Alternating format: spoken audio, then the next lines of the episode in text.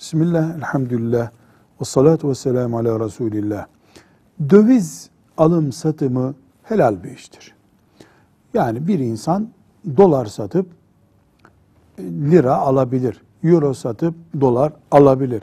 Dövizler birbirleriyle kuyumculuk gibi ticareti yapılabilir. İki Müslüman kendi aralarında kuyumcu olmadıkları, dövizci olmadıkları halde ver şu doları, al şu lirayı diyebilirler. Bunun ticareti de yapılabilir yalnız. Çok önemli bir nokta var.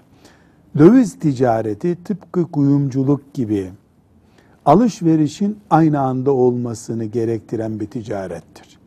100 bin dolar bozduran birisi alıp parasını gitmeli. 100 bin dolar hesap yap, yaz bir kenara, sonra alırız veririz yok.